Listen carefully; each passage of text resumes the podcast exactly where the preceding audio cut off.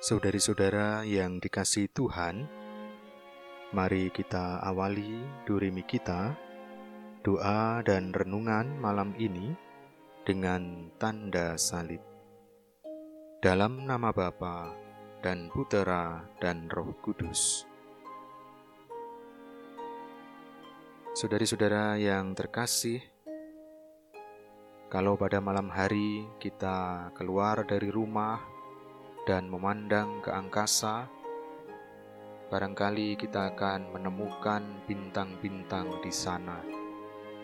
Kalau cuaca cerah, kita bisa melihat banyak bintang dan tentu saja juga rembulan.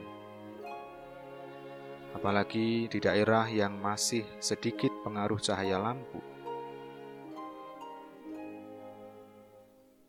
Dari sekian banyak benda angkasa yang tampak indah dari bumi, rupanya ada satu benda langit bercahaya yang sering muncul saat senja dan fajar.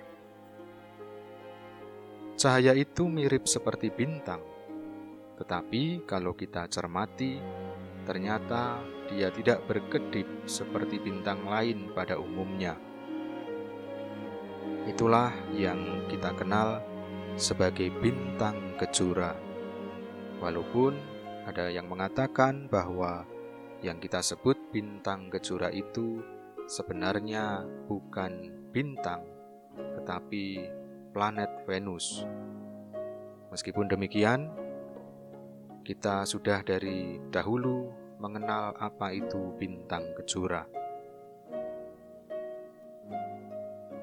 Kalau kita mengingat pula ada lagu dahulu berjudul Bintang Kejora, ciptaan Bapak Ate Mahmud, kita tahu kalau bintang ini ternyata menjadi gambaran dari sebuah harapan dan cita-cita bagi anak-anak.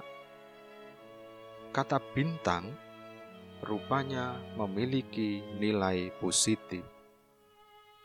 Umumnya, setiap anak bermimpi menjadi seperti bintang kejora, menjadi yang bersinar paling terang di antara bintang-bintang lainnya. Dan saudari-saudara yang dikasih Tuhan, rupanya Bunda Maria juga disebut sebagai bintang kejora. Dengan tampil di dunia, dan kemudian menjadi ibu Yesus, Maria menjadi fajar keselamatan Allah. Bintang kejora muncul di ufuk timur, mendahului terbitnya matahari.